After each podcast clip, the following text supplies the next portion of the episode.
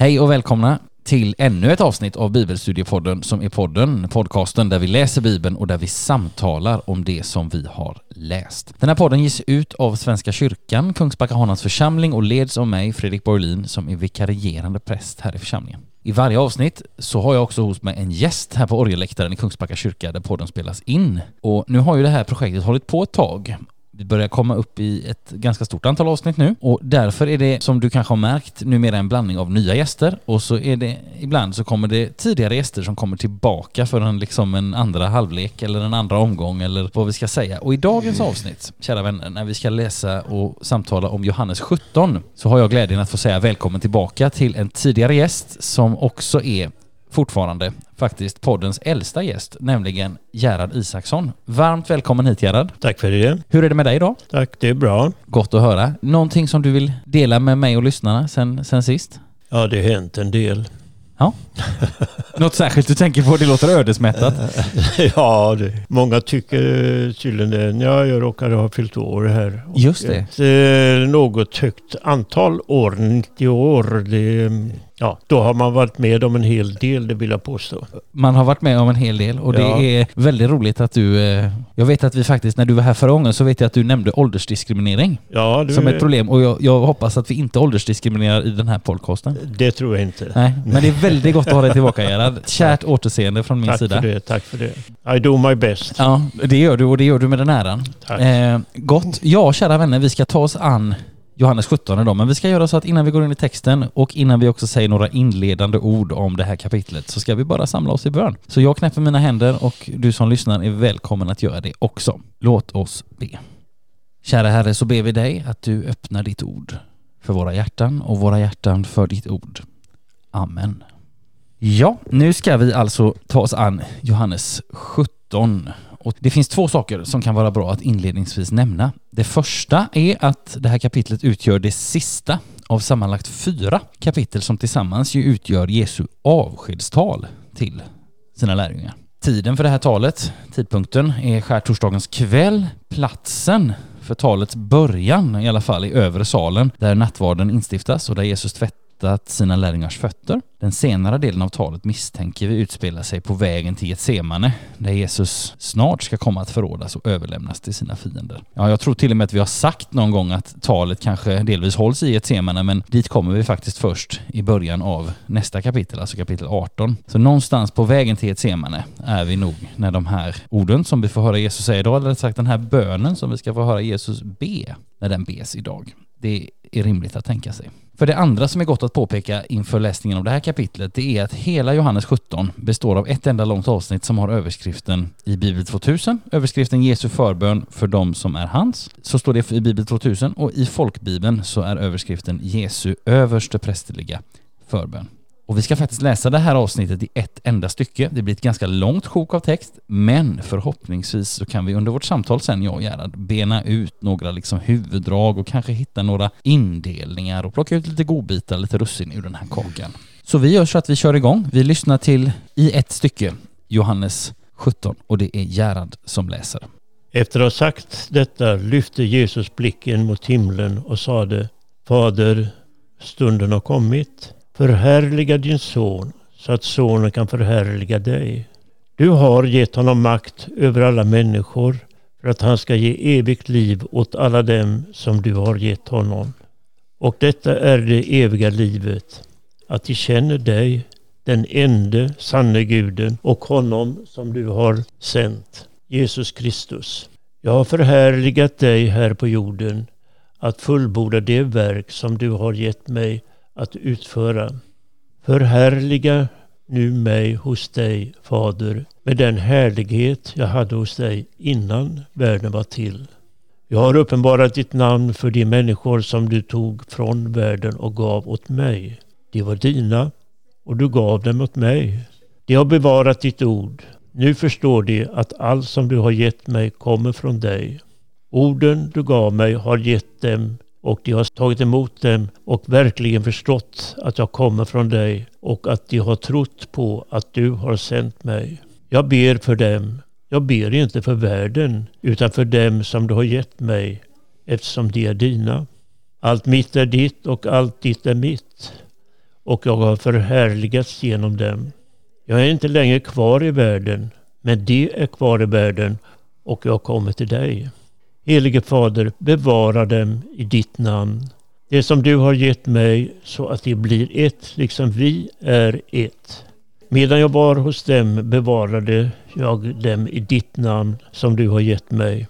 Och jag skyddade dem och ingen av dem gick under utan undergångens man, ty skriften skulle uppfyllas.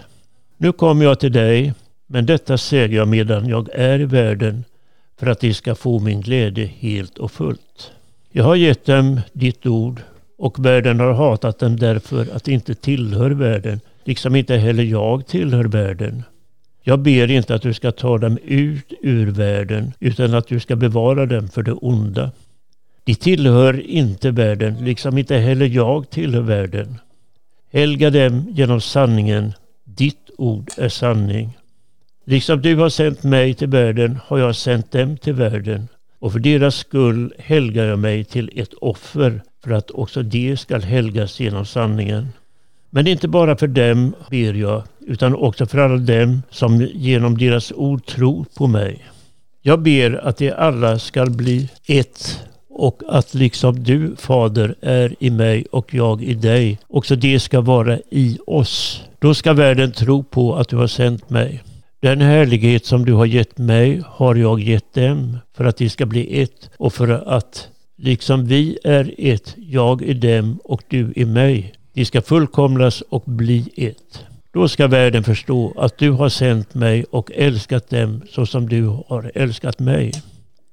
Fader, jag vill att det som du har gett mig ska vara med mig där jag är för att de ska få se min härlighet. Den som du har gett mig eftersom du har älskat mig redan före världens skapelse. Rättfärdig Fader, världen känner dig inte, men jag känner dig. Och de har förstått att du har sänt mig. Jag har gjort ditt namn känt för dem och skall göra det känt för att den kärlek som du har älskat mig med ska vara i dem och jag i dem. Tack så mycket Gerhard. Ja, ett långt, rejält pass. Ett rejält stycke text. Och idag så har vi Ja, vi har hört ett enda långt avsnitt, en enda lång bön som Jesus ber för de sina. Jag tänkte jag ska strax fråga dig Gerhard vad du har fastnat för i din läsning, men jag tänkte bara några, någon anmärkning eller understrykning bara från, från min sida. För det finns mycket gott och mycket som är insiktsfullt att stanna upp vid i det här kapitlet. Vi läste det här avsnittet, den här bönen i sin helhet eftersom den är en, en helhet. Men det går ju på samma gång att dela upp den här bönen i kortare avsnitt när vi tänker på det och när vi liksom tittar på den. Och när jag läser eller när jag hör, hör det här kapitlet läsas så tycker jag mig se tre ganska tydliga delar som vi kan sätta en liten rubrik över var och en av de här tre. Och den, den första delen den börjar ju såklart vers 1 och sträcker sig ner till vers 8. Och det kan man tänka på det avsnittet som att ja, men Jesus ber till Fadern. Och sen börjar nästa avsnitt i vers 9 som inleds med orden jag ber för dem. I det här avsnittet som sträcker sig ner till vers 19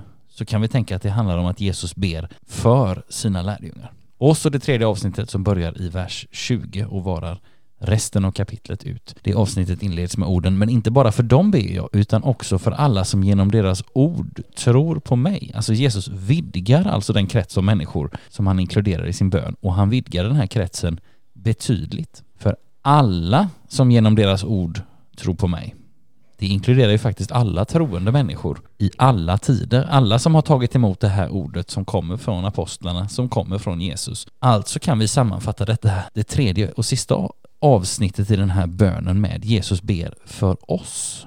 Sen kan vi också tänka på en annan sak när vi nu arbetar med ett helt kapitel där Jesus ber både för sina lärjungar och för oss. Vi hörde i förra avsnittet när, när Bosse var här och att Jesus sa så här, eh, läser vi från kapitel 16. Den dagen ska ni be i mitt namn, säger Jesus, och jag säger inte att jag ska be till Fadern för er, ty Fadern själv älskar er, eftersom ni har älskat mig och trott att jag kommer från Gud. Och då kan man undra, går det här på tvärs med att Jesus faktiskt i dagens kapitel ber för sina lärjungar? Det är det enda han gör i dagens kapitel på ett sätt. Nej, in, det går inte på tvärs med vartannat. För i förra kapitlet så talade Jesus med sina lärjungar om att de ska be i Jesu namn, vilket är någonting annat än att han ber för dem. Jesus säger där inte att han aldrig någonsin kommer att be för dem. Vad han säger till sina lärjungar är att ni kan och ni ska be till Fadern i mitt namn, vilket inte är samma sak som att jag ber till Fadern för er. Det handlar alltså om två olika slags böner. I förra avsnittet så lär Jesus sina lärjungar något om bön, nämligen att be till Fadern i hans namn. I det här kapitlet praktiserar Jesus själv bön på ett annat sätt. Han ber till Fadern för sina lärjungar och därmed också för dig och mig om vi räknar oss genom tron till den skaran. Och det finns mycket mer man kan säga om detta avsnittet och jag har en hel del mer att säga men jag vill börja med att fråga dig Gerhard, vad fastnar du för i det här avsnittet? Ja, hur påfallande Jesus, vilken omsorg han har om sina, utav dem som han har fått i sin eh, tjänst i sin hand. Ja, Mm. det tycker jag är så intressant. Ja. Ja, Någon, särskilt, eh, någon särskild vers eller några särskilda ord som du fastnar för? För jag, tänker, jag håller med dig här, absolut. Är det något särskild formulering du tänker på? ja jag tänkte på ju- just det att han talade om att eh, han hade fått vissa, ja, di, han han talar om dina Ja. som jag, han hade fått och eh, då var frågan om vilka var de dina? Mm. Ja, du tänker på detta i vers 9. Jag ber för dem. Jag Ja. ber inte för världen utan för Nej. dem som du har gett mig eftersom de är dina. Ja, precis. Det är de jag tänker på. Mm. Ja, vilka är de, de dina och på vilket sätt är de dina? Det vill säga Guds. För Jesus ber ju, han talar till Fadern. Mm.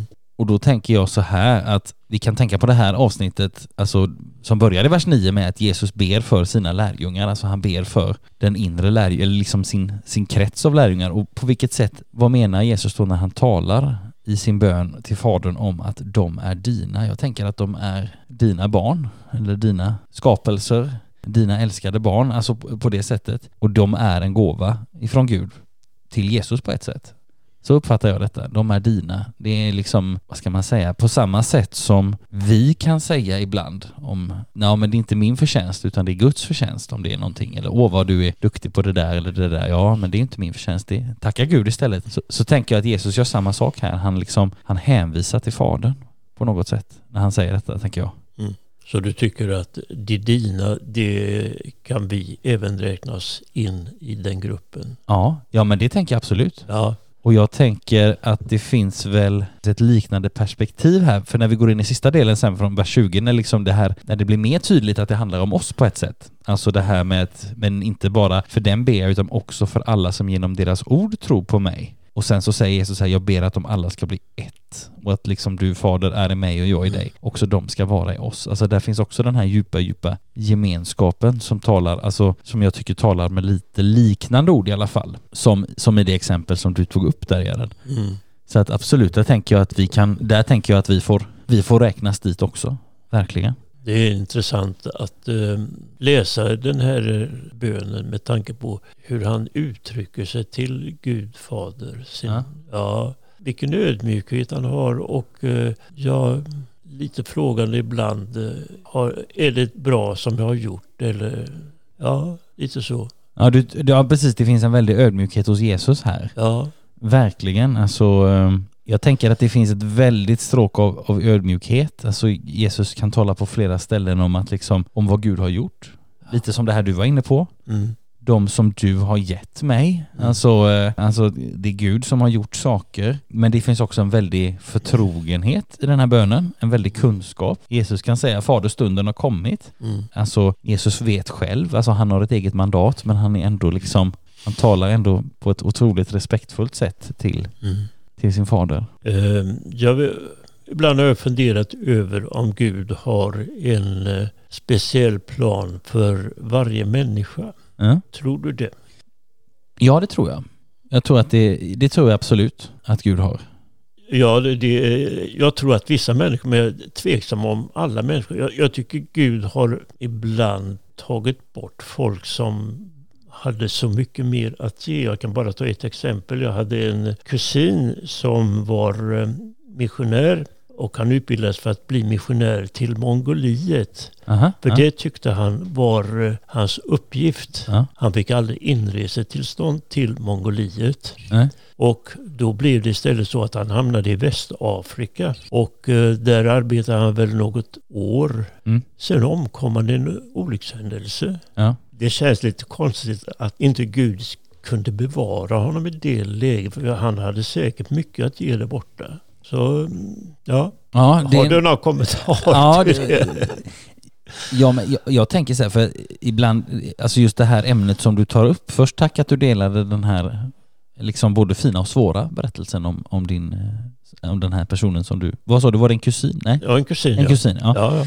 Sen så tänker jag så här att det här med att Gud har en plan för varje människa det är också någonting som vi hör sägas. Vi kan höra det kanske i predikningar eller vi kan höra det i undervisning. Mm. Eh, Jag har själv sagt detta eh, till konfirmander till exempel och inte för att det är någonting som jag tycker låter bra utan för att jag tänker att det är någonting som är sant. Och sen kan man fundera på, ja men vad är det då för plan? Och hur kommer det sig då att till exempel personer som vi kan uppleva som oj, här är, en, här är någon person. Vi kan ta din kusin som exempel, att här verkar vara någon som verkligen har en, en gåva eller en kallelse ut i att få berätta om Jesus för människor som inte kanske ens har hört hans namn. Och så gick det som det gick, som det gjorde här. Och då, jag, tänk, jag tänker så här, vad, vad menar vi när vi säger att Gud har en plan för varje människa? Ja, då, då tänker jag framför allt att den planen handlar om att lära känna honom själv. Inte så mycket vad vi ska göra eller vil- ens vilka gåvor vi har fått, även om liksom saker i vår, både i vår person och i våra förmågor kan användas till Guds ära och till att tjäna Gud så tänker jag att det framför allt handlar om den här om den personliga relationen med Gud. Det är, det, det är den som är den djupaste planen för varje människa. Oavsett om vi är världens mest frimodiga evangelist eller världens mest försagda person så är alltid grundplanen Mm. att vi ska leva nära Gud, älska honom, förstå hur mycket han älskar oss eller i alla fall ana det. Sen är allt annat som vi kan göra och som vi kan känna en kallelse till eller en längtan till oavsett om det är Mongoliet eller om det är Västafrika eller om det är Kungsbacka med närområde eh, som är vårat eh, sammanhang så, så är allt det liksom det, det är ett utanpåverk men jag tänker, jag tänker för att koppla in det till det som vi läser idag Gerhard Mm. Jesus när han ber så säger han så här. Nu, tolk, nu liksom läser jag den här versen på ett sätt som lite talar för det jag säger. Men, men eh, Jesus säger så här, men inte bara för dem ber jag utan också för alla som genom deras ord tror på mig. Alltså det är när vi inkluderas, vilket vi tänker på ett sätt att vi gör här mot slutet av den här bönen, att nu öppnar Jesus upp perspektiven här verkligen. Va? Då handlar det om tron och inget annat. Men inte för bara för dem ber jag, utan också för alla som genom deras ord kommer till tro på mig. Det är det Jesus ber för, det handlar om Mm. tron. Alltså där är fundamentet för varje människa. Det är i relationen till honom som livet får sin djupaste mening på det sättet. Sen kan vi, sen kan vi ju uppleva personer som särskilt, vad ska vi säga, gudabenådade kanske, eller som, men med det menar vi inte att de har fått extra mycket nåd, utan vi menar att här är någon som har fått särskilda gåvor eh, och som kan liksom göra en, en väldig skillnad för eh, sammanhanget genom att vara duktig på någonting eh, särskilt liksom. Mm. Men, men det, jag tänker att så att säga relationen med Gud och med Jesus. Ja, då vill jag ge ytterligare ett par exempel. Vi hade en storsångare som hette Einar Ekberg. Ja, Han var ju och är förmodligen den största kyrkosångaren som vi någonsin upplevat. ja, Han dog 56 år gammal. ja, Och även Göran Stenlund som tog upp manteln efter honom och var också väldigt bra. Han dog tidigt. Mm. Alltså jag har lite synpunkter för att de spred sådan glädje mm, för så väldigt många. mm. Och de har inte blivit ersatta av någon. Nej, just det. Och då har jag fund, funnit så här att hur underlig är du i allt vad du gör? Vem Mm. kan dina vägar förstå? Mm, Men ett är dock säkert att den väg du mig för, för mig är den bästa ändå. mm, Och ehm, så har jag hamnat att här är vår kunskap ett styckverk. mm. Men då ska jag känna till fullo. Det är väl det man får leva på tycker jag. Ja, ja verkligen. Ja, nej, men det här, det, den, också det här som är en väldigt bärande röd tråd i Bibeln, att det som vi har svårt att förstå Ja, och kanske svårt att förlika oss med, alltså era vägar är inte mina vägar, säger Herren. mm. Eller det här, ännu ser vi en gåtfull spegelbild. Då ska vi se ansikte mot ansikte. Du läste liknande ord fast från en över, äldre översättning tror jag. ja det var det nog. Ja. Första Korintierbrevet Ja. 13. Ja. Ja, och, alltså, så att, och, det, och där, där tänker jag att samtidigt är det så gott att vi kan tala om detta i det här sammanhanget för att Mm. Visst vi kan konstatera och det kan också vara en tröst i att säga att påminna oss om de här orden som du tar upp här Gerhard och som jag tar upp. Mm. Alltså ännu, Herrens vägar är, vi förstår inte alltid vad som händer och det kan vara, det kan vara gott att påminna oss om att nej men så är det samtidigt som vi också ska vara så ärliga så att vi kan säga jag förstår inte och det är inte helt lätt. Alltså det, det här jag har brottats med detta, jag kanske Mm. brottas med det fortfarande. Så att det kan på ett sätt vara en tröst för oss att säga, påminna oss om de där orden. Era vägar, säger Herren, är inte alltid mina vägar. Eller är inte mina vägar. Men det kan också vara svårt för oss att acceptera. Och då är det gott att man kan tala om det också. Ja, men det är nog viktigt att man har någon man kan diskutera med och Mm. som eh, är lite förståndigare än en själv. Ja, Ja, och vissa, för vissa av oss är det väldigt lätt att hitta någon som är förståndigare än oss själva. Så det, det det, tror jag inte. inte för min del. ja. Men jag har ju varit med om en del. Ja, du har ju varit med om en del. Ja. Ja. det är sant. Det är roligt för att, nej men, och jag tänker så här, också bara det att vi kan lyfta detta, att, att du kan ta upp de här exemplen. Jag, jag, jag tror att det, jag tänker att det också är väldigt gott att kunna säga det, att vi förstår inte allt. Och det måste vi kunna nämna. Och det gör oss inte mindre fromma eller mindre andliga på något sätt, utan vi tar de här frågorna på allvar. Vi sopar inte dem under mattan. Liksom. Mm. Det, ja, nej, det är gott alltså. En sak som jag skulle sagt för en stund sedan, men som vi petar in nu, det är ju det här med att det här avsnittet kallas för Jesu översteprästerliga förbön. I Bibel 2000 så heter, heter avsnittet Jesu förbön för dem som är hans och i folkbibeln Jesu översteprästerliga förbön. Och det är också det här, den andra titeln, alltså den som folkbibeln har valt, som är skulle jag vilja påstå i alla fall, liksom det ganska gängse sättet att tala om det här avsnittet, att det är Jesu överste prästerliga förbön. Och att det här avsnittet, eller det här kapitlet har kommit att kallas detta, det påminner oss om någonting, det var det jag skulle säga, om att det påminner oss om att just överstepräst är en av Jesu funktioner. Eh, som vi kanske inte så jätteofta talar om, men som vi just nu, lämpligare än alla andra tillfällen, just nu när vi läser den här bönen, kunde säga någonting om. Alltså, grund, grundläggande är att det finns många epitet, det finns många titlar som vi kan sätta på Jesus. Sonen, Guds son, Messias, Kristus, Davids son, kung, profet, herre, broder, frälsare och massa fler. Det finns ju hur mycket som helst. Och alla de här betonar olika aspekter av Jesu natur och Jesu gärning. Det vill säga vem han är och vad han har gjort och gör. Och sen så vet vi också, du som har varit med sedan Marcus evangeliet inte minst, att till exempel det här att Jesus är Messias, det har inte bara en fast betydelse, utan Jesus måste ju också förklara hur han är Messias. Jo, han ska lida och dö till exempel. Men alla de här titlarna eller epiteten eller sådär som vi kan, som, som kyrkan och bibeln sätter på Jesus betonar ju olika aspekter av Jesu natur och Jesu gärning. Vad han gör, vem han är, vad han har gjort. Och att tala om Jesus som överstepräst, det innebär att vi liksom befäster eller stryker under detta att Jesus har gjort översteprästens uppgift. Alltså översteprästen i templet i Jerusalem. Och vad var den personens uppgift? Jo, att förrätta offret var en sån sak. Jesus har ju förrättat det fullständiga och slutgiltiga offret när han offrade sig själv på långfredagen, Golgata korset. Han har bringat den försoning åt folket som var en del av översteprästens uppdrag, men Jesus har gjort det här på ett fullkomligt sätt. Att Jesus här i Johannes 17 ber för de sina kan också gå in under den översteprästerliga aspekten av hans person och gärning. Och vill man utforska den här sidan av Jesus lite mer, tycker att ja men det här vill jag veta mer om, då är det jättelätt. För då är det bara att slå upp Hebreerbrevet och läsa det. För där, det, det fördjupar sig mycket i Jesus som överstepräst. Bland annat så står det de här härliga orden, vi har inte en överstepräst som är oförmögen att känna med oss i våra svagheter. Alltså han är en medkännande överstepräst, det är gott att tänka på. Två saker till som jag bara ska säga innan jag släpper in dig Gerhard igen. Det är allra först i dagens läsning så läste Gerhard Fader, stunden har kommit. Det påminner oss om att sammanlagt sju gånger så nämns ju det här uttrycket. Det finns ju många sjutal i Johannes. Sju gånger nämns uttrycket Jesus stund.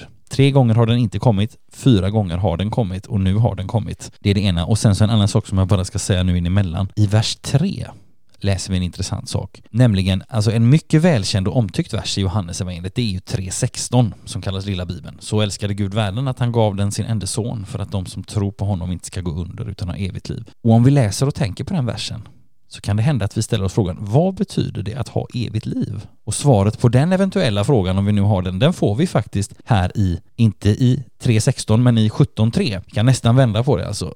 Då står det så här, och detta är det eviga livet. För där beskriver Jesus det. Och detta är det eviga livet, att de känner dig, den enda sanne guden, och honom som du har sänt, Jesus Kristus. Det vill säga det eviga livet är hos Gud och Jesus. Där får vi lära känna dem helt och fullt. Men redan här i tiden är det möjligt att få en försmak av det här. Redan här i tiden går det att lära känna Gud och Jesus och den helige Ande, men helt och fullt blir det först senare. Lite som det vi var inne på innan det här. Ännu ser vi en gåtfull spegelbild. Då ska vi se ansikte mot ansikte. Hur var det det var uttryckt, Gerhard, i, i det som du läste? Det var ett, någonting med styckverk. Vad var det du läste där? Eh, är vår kunskap ett styckverk, Men då ska jag känna till fullo. Känna till fullo ja. Ja. Ja, det är fina ord. Vad, vad tänker du mer på Gerhard när du läser de här verserna? Den här bönen? Ja, vad jag tänker det är att jag är oändligt tacksam att jag redan som barn fick eh, växa upp i ett kristet hem Ja. och sedan kom in i den kristna gemenskapen väldigt, väldigt tidigt. Mm. Och jag har sluppit från så mycket annat elände och istället fått glädja mig åt att vara med i det kristna sammanhanget. Ja. Och det har hållit hela livet. Gott att, göra, gott att höra. Och jag, jag tänker, om jag bara får bemöta det som du säger här nu, för jag, jag, jag uppskattar så mycket att du delar detta, att det har varit en lång vandring. För vi Ja. har konstaterat tre saker i det här samtalet. Det ena är att du har fyllt 90 Mm. och att du sa redan som liten så tog jag ett tydligt steg liksom i tro. Det har hållit. Men samtidigt, det här som du tog upp förut med din kusin och med de här sångarna, du har ju inte varit utan frågor. Eller inte, inte varit utan brottningar i ditt liv. Absolut inte. Men det har ändå hållit och det tycker jag det är ett väldigt häftigt vittnesbörd alltså. Ja, nej, jag har varit med. Vi hade mycket problem i, i min familj. Eh, Trots att det var en kristen eh, Mm. familj så drabbades vi av eh, mycket död här. Min mamma dog när hon var 48 år, jag var bara 10 år då. Mm. Och jag hade två av mina bröder som dog väldigt unga, Mm. eh, 28 och 19 Mm. år. Och de dog egentligen helt friska, men Mm. av olika omständigheter så omkom de. Mm. Ja. Så jag har upplevt mycket svårigheter, det Ja. vill jag nog påstå. Och, men vad gott att höra också att du har, att tron har bevarats. Ja, det har den gjort. Gott. Något annat som du tänker på kopplat till de här verserna? Nej, jag har eh, tycker, fått ut vad jag vill ha. Ja, Ja. gott att höra. Mm. Jag tänker så här, jag vill, jag vill bara lyfta, vi ska faktiskt eh, rätt så snart gå in för laddning. Jag tänkte jag vill bara lyfta tre små teman. Alltså det finns många teman till i, den här, i det här kapitlet. Men jag tänkte tre teman som jag bara tänkte jag ville kort kommentera här. Lyfta fram lite för att eh, också hjälpa dig som lyssnar att också få en lite bättre överblick nu när vi har läst kapitlet i ett enda sjok så kan, får vi gå lite mer tematiskt in på det. Och ett sånt här tema som är värt att lyfta fram det är temat världen. Alltså ordet världen används många gånger i Jesu förbön. Läser du verserna 14, 15, 16, 17, 18, bara i de fem verserna så förekommer ordet världen 1, 2, 3, 4, 5, 6, 7, 8 gånger. Alltså det är ett nyckelord här Mm.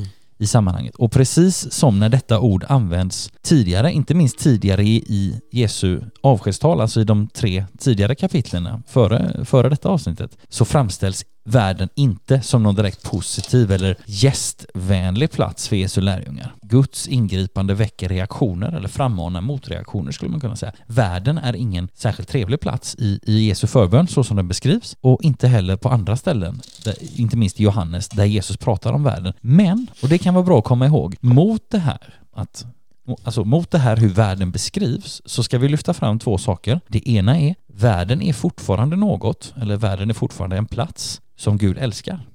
Vi kan tänka på Johannes 3.16. Så älskade Gud världen att han gav den sin enda son för att det som tror på honom inte ska gå under utan ha evigt liv. Alltså Gud älskar världen som ändå är ogästvänlig och han sände sin son till den. Det är det ena. Det andra vi ska säga om detta med världen, vi som är Jesu lärjungar idag, vi som försöker vara det på något sätt, försöker leva eller längtar efter att bli det mer eller sådär, men som på något sätt är anknutna till detta, som har en tro, en längtan, någonting. Vi som är Jesu lärjungar idag är sända till eller in i eller ut i den här världen. Jesus ber ju till och med själv i vers 15 till exempel, jag ber inte att du ska ta dem ut ur världen, utan att du ska bevara dem från det onda. De tillhör inte världen, liksom inte heller jag tillhör världen. Alltså, vi är sända in i den här världen. Jesus säger så här i vers 18, när han vet till Fadern, liksom du, säger han till Fadern, har sänt mig till världen, har jag sänt dem till världen. Vi är sända till den ibland ogästvänliga värld som Jesus själv sändes till och som Fadern älskar. Så det är viktigt att komma ihåg när vi tänker på det här temat världen. En annan lite intressant sak i det här kapitlet, eller ett annat lite intressant tema som ploppar upp på i alla fall två ställen, det är det här Jesus före sin födelse i Betlehem, i stallet, i julnatten. Allra först i Johannesevangeliet så läser vi, och det var ju ganska bra tag sedan vi lyssnade till, jag tror det var när Britt-Inger var här. Jo, det var det. Då läste vi allra först så här, i begynnelsen fanns ordet och ordet fanns hos Gud och ordet var Gud. Och strax efter, bara några verser senare, så läser vi och ordet blev människa och bodde ibland oss, eller ordet blev kött, står det i någon översättning. Med andra ord, före allting, i begynnelsen, i den absoluta begynnelsen. Det är ju där som också gör Johannes evangelium lite unikt. Han börjar inte med en släkttavla eller med nu börjar Jesus, det med Jesus Kristus eller något annat företag, utan han börjar i den absoluta början. Och före allting annat, i begynnelsen, i den absoluta början, så fanns Jesus hos Fadern. Två versar ur dagens kapitel. Det är nu vi landar tillbaka i Johannes 17. Två versar i dagens kapitel talar också om detta. Dels vers 5, där säger Jesus här, förhärliga nu mig hos dig Fader med den härlighet jag hade hos dig innan världen var till. Och så i vers 24, Fader, jag vill att det som du har gett mig ska vara med mig där jag är för att det skall få se min härlighet, den som du har gett mig, eftersom du har älskat mig redan före världens skapelse. Så här kommer, och det här, om jag minns rätt nu på vår Johannesvandring så här långt, som den har varit ganska lång nu, så har vi inte hört något liknande alls. Vi hörde det i Johannes 1 och sen så liksom tar Jesus upp det här temat igen i vers 17. Den härlighet jag hade hos dig innan världen var till, vers 5, och Jesus ber också i vers 24, min härlighet, den som du har gett mig eftersom du har älskat mig redan före världens skapelse. Ja, det är rätt häftigt. Här kommer det tillbaka. Efter lång väntan så får vi tillbaka detta tema. Och sen sista tanke, ytterligare någonting som vi anar här i är kollektivet, enheten. Jesus ber för alla lärjungarna samfällt eller tillsammans. Han ber inte enskilt för dem en och en. Det kanske han gör också, men det läser vi, det kan vi inte läsa om, utan han ber för dem alla. Och det här med enhet blir också särskilt tydligt, inte minst i vers 21, när Jesus säger så här, när han ber så här, jag ber att de alla ska bli ett, och att liksom du fader är i mig och jag i dig, också de ska vara i oss, då ska världen tro på att du har sänt mig. Alltså det handlar inte bara om enhet för liksom enhetens egen skull, eller att alla måste liksom tycka samma, utan för att det är ett sätt att närma sig och efterlikna Gud och Guds väsen. Alltså Jesus säger, vi läser vers 21 igen, jag ber att de alla ska bli ett och att liksom du fader är i mig och jag i dig, också det ska vara i oss. Då skall världen tro på att du har sänt mig. Och läser vi vidare där, vers 22 och så vidare, så ser vi att det fortsätter på samma tema. Alltså det handlar om att vi ska vara, de, alltså de kristna ska vara ett. Och det är ett sätt att närma sig och efterlikna Gud och Guds väsen. För att vi, liksom Gud är en enhet, så ska också vi vara en, en enhet i Gud. Och motivet är för att världen ska tro. Gott. Någon avslutande tanke från dig Gerhard? Ja, det, då vill jag läsa den första delen av eh, vers 24. Ja. Fader, jag vill att det som du har gett mig ska vara med mig där jag är. Det är väl en väldigt ömsesidig önskan hoppas jag för alla. Vi vill vara med Jesus och han vill vara med oss. Det var ett väldigt gott slutord. Vi vill vara med Jesus, för han vill vara med oss. Någonstans i breven står det, närma er Gud så ska Gud närma sig er. Ja. Alltså att det är en, Gud har redan kommit till oss och blivit människa i Jesus. Mm. Och det gör det mycket lättare för oss att komma till honom. Gott. Läs den där sista versen igen, eller den, de orden igen, så tar vi dem som slutord. Fader, jag vill att det som du har gett mig ska vara med, med mig där jag är. Punkt. Amen. Stort tack Gerhard att du har tagit dig hit igen. Mycket gott att ha dig här. Gott att få dela tankar och eh, bibelläsning och bön tillsammans med dig. Så du ska ha ett stort tack. Ett stort tack ska också du som har lyssnat ha. Hoppas att du också har kunnat finna, finna på någonting eller bli hjälpt i någonting av det, här, eh, av det här avsnittet, det här kapitlet. Och till nästa gång som vi kanske inte ses men däremot hörs så önskar både jag och Gerhard dig som har lyssnat allt gott och Guds rika välsignelse. Hej då! Hej då!